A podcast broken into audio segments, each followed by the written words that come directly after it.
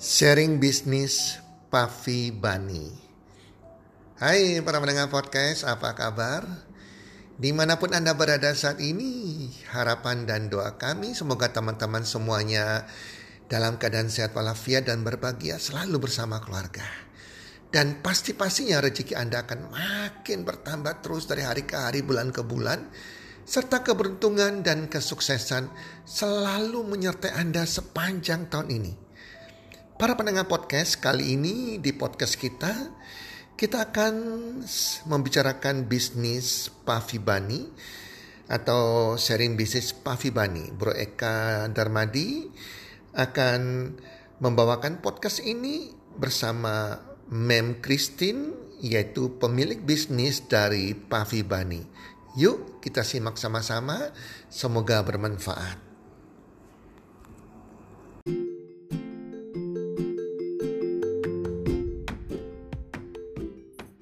Halo semua, pada episode podcast kita kali ini dengan judul Sharing Bisnis Pavi Bani.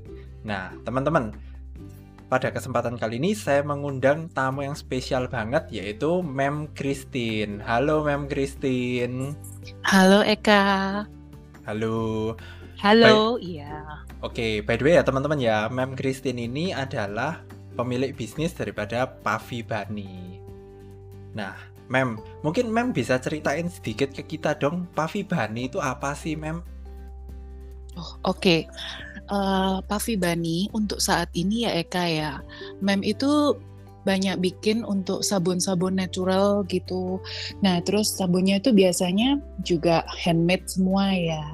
Dan terus habis gitu dan kita nggak pakai ingredients yang aneh-aneh, kita pakai ingredients yang bikinnya tuh mulai dari awal gitu Eka dari oil, terus kita pakai essential oil kayak gitu. Kurang lebih kayak gitu sih artisan soap hmm oke okay, oke. Okay. nah jadi produknya ini berupa sabun semua ya mem ya? Uh, uh, mostly sabun. Kebanyakan juga kalau Pavi Bani yang request itu justru sabun bar. Karena sabun bar yang membuat itu biasanya itu dihias gitu loh kak. Baik dari pemilihan warna terus abis gitu ada motifnya. Nah, jadi kebanyakan sih mereka bilang sabunnya lucu, sabunnya kok bagus, sabunnya kok nyeni gitu loh. Karena itu mereka beli yang bar. Tapi kalau mem sendiri sebenarnya juga ada liquid soap, kita juga ada kayak hmm, shampoo bar, sejenis begituan lah, satu line semua kayak gitu. Tetapi yang paling jadi kekuatan utama Pavibani adalah sabunnya yang bar berhias soal. Oke. Itu Eka. Oke, Mem, mungkin ada arti nama nggak sih di balik kata uh, di balik merek daripada Pavi Bani ini sendiri, Mem? Kalau arti kata mah sebenarnya uh, gimana ya kak, Mem nggak mau berat-berat ya cari namanya. Jadi waktu itu karena Mem sendiri itu sionya kan kelinci, sionya Bani, terus anak Mem yang pertama juga show kelinci sama. Habis gitu anak mem yang kedua shownya monyet. Cuman kan nggak lucu aja kalau Bani and Monkey gitu ya. Jadi uh, mem kasih nama langsung deh Pavi Bani kumpulan Bani-Bani gimana ya? Gembel gitu.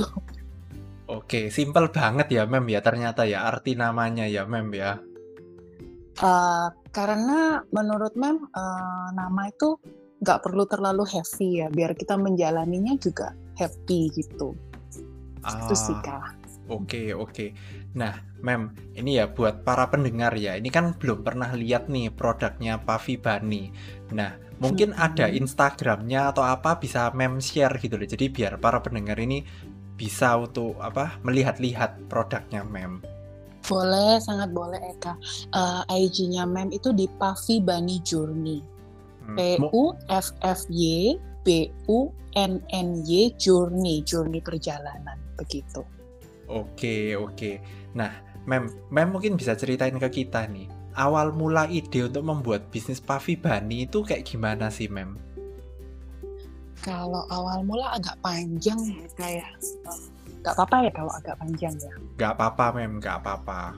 Gitu ya. Jadi seperti yang Eka tahu, dulunya Mem ini kan memang teacher ya, ngajar Eka juga. Ya, Mm-hmm. Terus setelah Mem jadi teacher untuk selama 9 tahun, karena suatu alasan kesehatan Mem itu harus resign akhirnya kak. Karena terakhir-terakhir Mem ngajar itu juga udah nggak happy, terus Mem itu sering migraine all the time. Jadi akhirnya nggak sehat juga kan kalau gitu. Akhirnya Mem resign. Nah tapi karena waktu itu kebiasaan udah kerja ya Eka ya.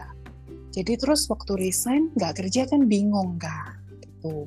Nah, mem dasarnya orangnya itu suka kayak art and craft gitu ya. Jadi awal-awal mem itu nggak terjun ke dunia sabun. Setelah ngajar itu, setelah resign, mem itu justru bikin banyak craft-craft itu ya, Eka macam decoupage yang kayak kayu kayu-kayu terus di painting itu Eka.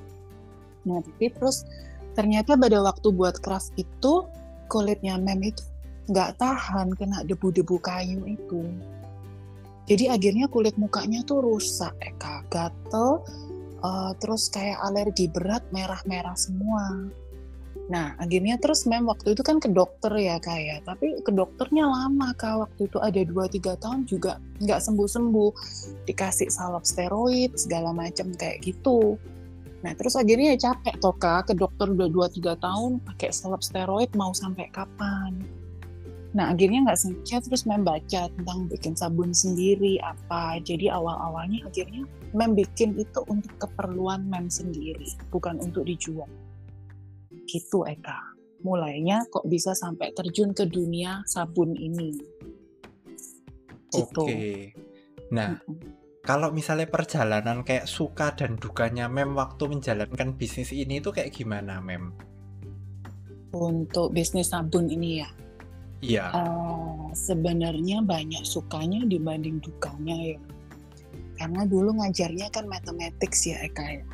Dulu hmm. mem itu waktu ngajar mathematics, mem itu uh, jujur nggak terlalu happy.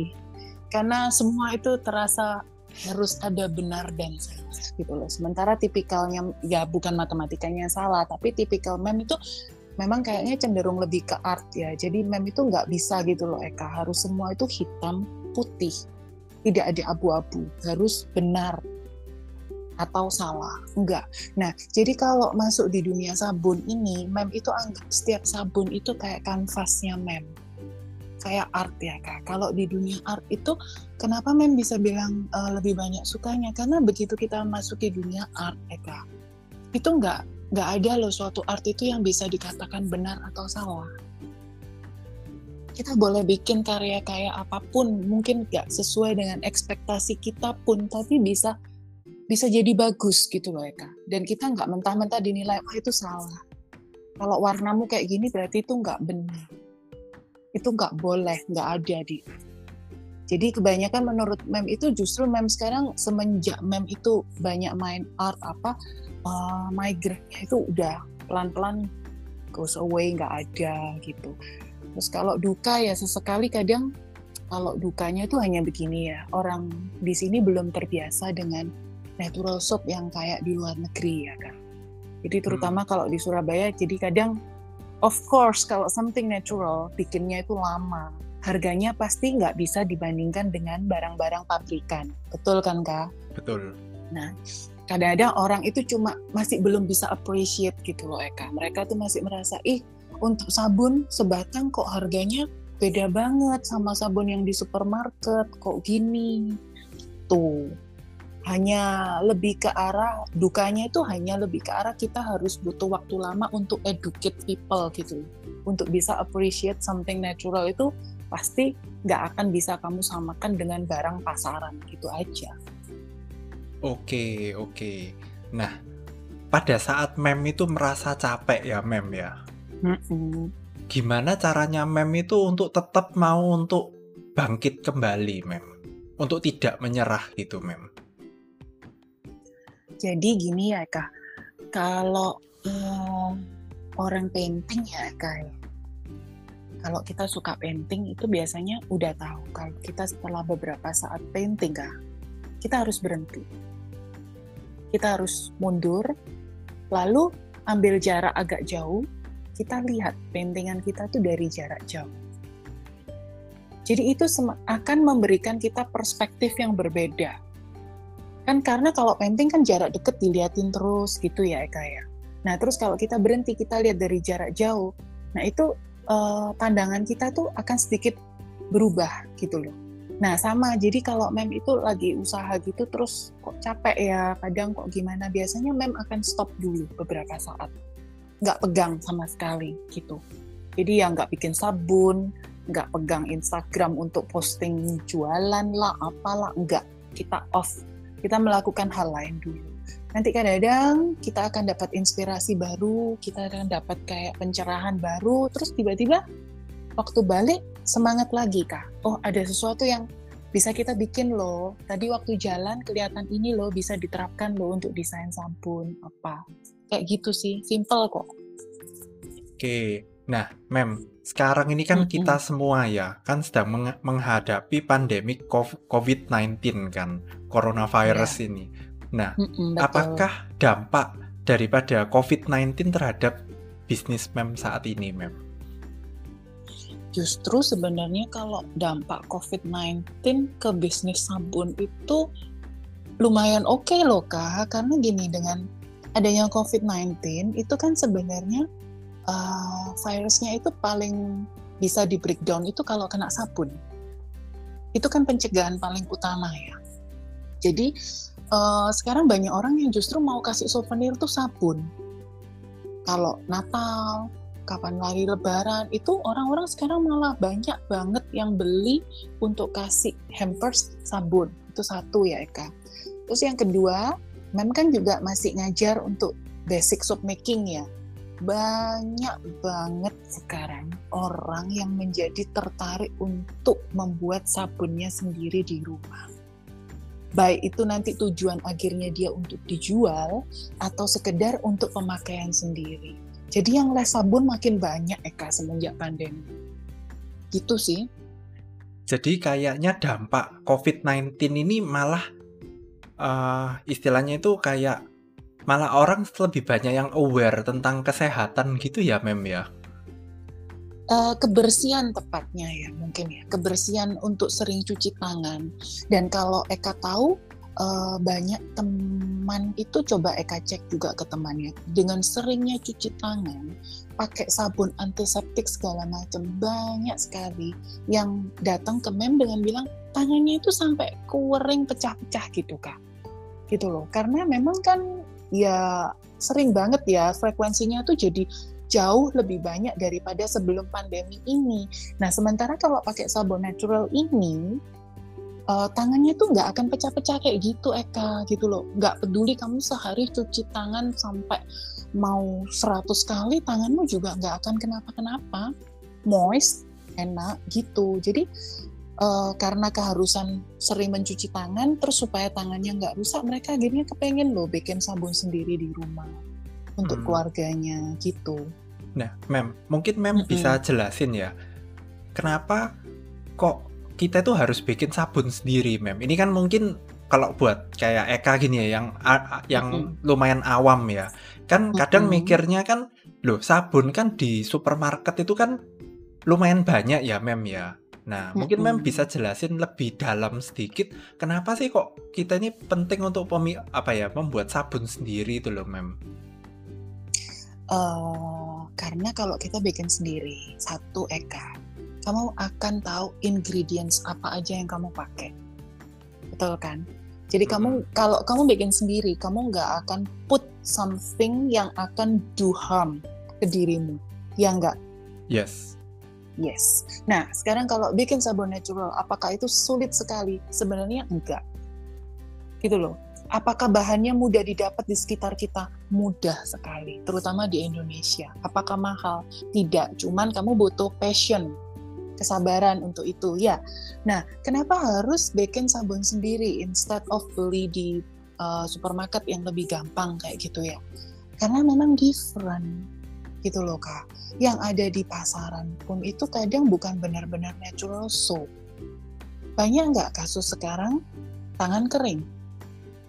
Bagian kaki itu kak, yang bagian lutut ke bawah itu, yang ada tulang keringnya tuh sering nggak lihat kakinya orang sisian gitu, hmm. putih-putih. Pernah nggak lihat? Nah, banyak sih yang kayak gitu ya itu karena terlalu kering gitu kak jadi gatel ya macam kayak gitu. Nah, once kamu itu udah merasakan kalau pakai sabun buatanmu sendiri, di mana kamu itu ya pakai sabun buatan sendiri, sering mandi pun kamu nggak perlu lo body lotion segala macam, kulitmu tetap moist. Nah, untuk kasusnya mem, kalau mem merasa kenapa perlu bikin sendiri? Karena dengan membuat sendiri, mem nggak bilang itu mengobati, ya, tapi itu membuat kulitnya kita itu in better condition. Mem dulu kan alergi banget ya Eka ya Nah, sejak makin hati-hati, bikin sendiri, nggak make yang macem-macem, sekarang pelan-pelan uh, better, mem bisa lepas dari yang namanya salep-salep obat itu nggak perlu pakai lagi gitu. Oh, berarti kayak misalnya jerawat di wajah atau apa gitu ya, mem ya? Itu mm -mm. bisa jadi karena uh, sabun pembersih yang dipakai itu mungkin kurang cocok sama kulitnya gitu ya, mungkin ya, mem ya? Mm-mm. Dan kamu tahu nggak ya, kalau udah belajar making soap itu it's so interesting ya. Kamu mau explore sampai ke mana pun itu nggak akan selesai-selesai loh, Eka. Misal kamu bilang berjerawat ya, Eka. Itu gampang loh, kita bikin tinggal kita kasih activated charcoal. Karena itu menyerap racun. Kamu tahu nggak activated charcoal itu apa sebenarnya? Kurang sebangsa tahu. kayak sebangsa kayak norit, Eka. Hmm. Kamu kalau keracunan pasti minum norit kan? Nah, jadi kalau misalnya ada cowok yang punggungnya berjerawat segala macam, itu kan pakai sabun yang ada activated charcoalnya. Pasti kelebihan minyak-minyak yang di kulitnya itu akan diserap dan nanti punggungnya kan pelan-pelan menjadi lebih bersih, lebih bersih kayak gitu. Jadi so interesting gitu loh. Banyak yang bisa kamu buat dengan resep kalau kamu tuh paham. Gitu. Oke. Nah, berarti mem ini lumayan sering untuk ngajarin uh, para orang-orang ini untuk membuat sabun ya Mem ya? Sering, lumayan. Mem udah ngajar sejak tahun 2000, uh, Mem ngajarnya 2017 kali ngajar sabun ini. Biasanya oh, ya. private session. Uh -uh. Nah, dari apa dari tahun 2017 ya sampai mm -mm. saat ini ya, mm pengalaman mengajar pasti ada yang yang lumayan istimewa nih, yang mem kayak seneng banget gitu ya. Mungkin mem bisa share ke kita pengalaman mengajar apa yang mem itu paling seneng selama dari tahun 2017 sampai sekarang ini mem. Hmm, biasanya itu kalau mem itu ngajar itu kebanyakan ya mostly ya murid-muridnya dan yang mem temukan juga very nice kok ya. Jarang aja yang nggak memperhatikan kayak gitu. Dan biasanya mem itu seneng pada saat mereka tuh balik ya Eka ya. Terutama mereka bilang e, sekarang aku bisa bikin sabun sendiri buat anakku.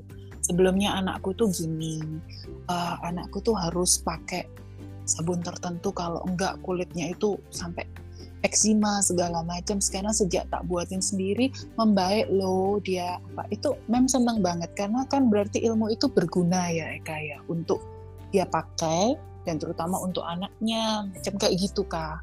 Tuh udah cukup deh yang seneng yang kayak gitu-gitu nggak perlu yang sampai uh, spektakuler gimana ya. Hmm. gitu kak. Oke okay, oke. Okay. jadi pada saat ini ya dengan bisnisnya mm -hmm. mem ini salah satu bisnisnya mem ini mem itu kayak menemukan ini tuh adalah kayak passionnya mem gitu ya mem ya jadinya ya. Banget.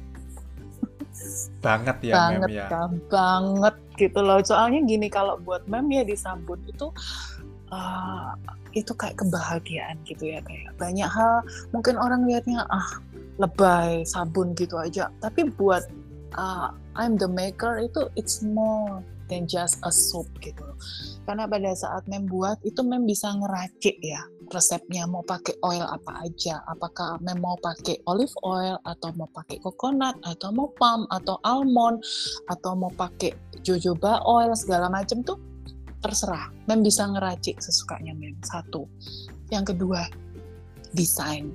Jadi karena mem adalah orang yang suka art and craft ya jadi uh, untuk meramu warna terus membuat suatu desain soap itu suatu kesenangan tersendiri ya kayak belum lagi kak terus kita nanti masuk lagi untuk meracik bau-bauannya. Gitu. Terus jadi kayak uh, mem nggak nggak terlalu suka ya pakai single scent gitu satu bau apa. Biasanya mem itu akan meracik bau tersendiri gitu. Jadi kira-kira misalkan Eka mau pesan sabun di Mem, Mem kan kurang lebih tahu ya ingat Eka kayak apa. Oh Eka ini orangnya gini-gini. Nanti Mem itu berusaha menerjemahkan Eka yang kayak apa di bau sabun itu. Jadi itu buat Mem itu uh, gimana ya suatu output untuk self therapy gitu ya kayak. Mm -hmm. Gitu. Mm -mm. Jadi more more than just a soap gitu loh gitu. Oke oke, ini ini juga Eka belajar hal yang baru ini, mem. Eka nggak menyangka kalau misalnya ternyata sabun itu pun kalau dibuat sendiri ya kita yang ngatur komposisinya mm -hmm. sendiri itu bisa jadi kayak tangan nggak pecah atau nggak alergi atau apa itu Eka baru tahu loh, mem. Kayak sometimes. Uh, uh, uh. Once kamu udah pakai uh, sabun homemade yang buatan hmm. rumahan gini, kamu susah dia akan balik ke commercial soup menurut mem pribadi. Kalau pengalamannya mem. Karena uh, itu kalau it do wonders to your skin gitu loh kak. Bener-bener terasa kalau kamu tuh telaten pakainya kamu akan lihat sendiri hasilnya. Oke. Oke oke wow. Kalau telaten ya mem ya. Nah tadi bicara soal apa kita bikin sabun sendiri ya mem ya menurut mem rata-rata murid-murid mem untuk belajar dari nol potol ya dari yang nggak tahu tentang sabun sampai bisa ngeracik sendiri itu kira-kira itu butuh waktu berapa lama ya mem ya gini gini ya kayak bikin sabun itu nggak sulit oke okay? oke okay. ya tetapi membuat sabun yang bagus dan enak dan cantik dipandang itu yang nggak gampang.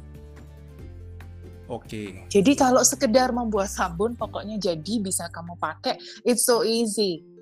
Mem sekali ngajar private session only 4 hours. Murid keluar dari tempat mem sudah bawa pulang sabunnya. Dan biasanya praktek dua tiga kali di rumah.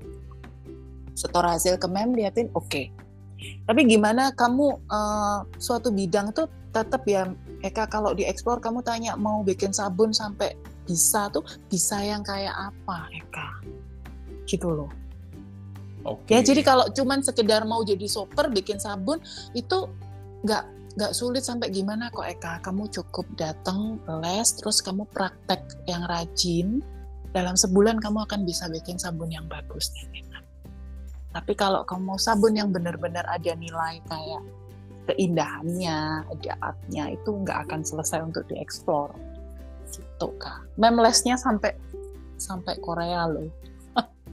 sampai oh, Malaysia wow. untuk les sabun ini sampai ke Jepang. Wow, wow. Gitu. Luar biasa hmm. sekali. Nah, Mem ini sebagai uh, penutup ya, penutup. Oke. Okay kan di audiensnya Eka ini kan ada juga yang masih muda ya Mem ya dalam arti mm-hmm. para wanita yang sedang mencari karir merintis mm-hmm. karir ya kan nah mm-hmm. Mem ini kan sebagai seorang yang sudah lebih senior ya gitu loh yes. mungkin Mem ini ada pesan-pesan buat para ladies para wanita-wanita ya kan yang mm-hmm. mereka ini sedang mencari passionnya mereka ini sedang ingin membangun karirnya itu kayak gimana mem? Kalau mem bilang jangan takut untuk explore ya kadang karena dengan explore baru kita tuh tahu passion kita yang benar-benar itu di bidang yang mana. Kalau kita nggak pernah coba, kita nggak pernah explore, kadang kita kan nggak tahu ya kayak gitu loh. Nah sementara untuk explore tuh kadang memang butuh courage ya, butuh keberanian untuk melangkah ke suatu bidang yang belum pernah kamu lakukan sama sekali. Tuh. Uh, kayak gitu sih kurang lebih ya. Jadi jangan takut untuk mencoba gitu ya, Mem ya. Yes, kalau sesuatu itu, suatu pikiran itu misalnya atau suatu ide itu sudah menggoda kamu cukup sering ya berkali-kali ya, patut kamu pertimbangkan untuk dicoba. Menurut Mem gitu. Karena gini, dulu awal waktu Mem uh, terjun ke dunia sabun ini memang juga ragu-ragu gitu loh Eka antara iya enggak iya enggak itu butuh waktu setengah tahun memang pertimbangkan untuk mulai les atau enggak. Tetapi karena waktu itu tuh nggak bisa menghilangkan pikiran ini. Kok kepengen ya bikin tapi terus dipendam lagi. Tapi terus suatu saat muncul lagi aku tetap loh kepengen bikin sabun tapi enggak deh nanti jangan ah belum tentu aku nanti tak jalanin terus nanti tiwa sudah les ya tapi terus nggak dijalanin saya terus terus muncul terus akhirnya ya udah kah muncul berkali-kali nekat aja dicoba ternyata sejak terjun uh, kayak mem itu kayak envelope myself in in this world gitu loh ya sudah passionnya memang di sini betul Oke, oke, mantap sekali, Mem. Mantap, mantap. Nah, buat para pendengar podcast, ini sekian dulu episode dari kami, dan nantikan episode-episode podcast kami selanjutnya. Dadah. Bye-bye.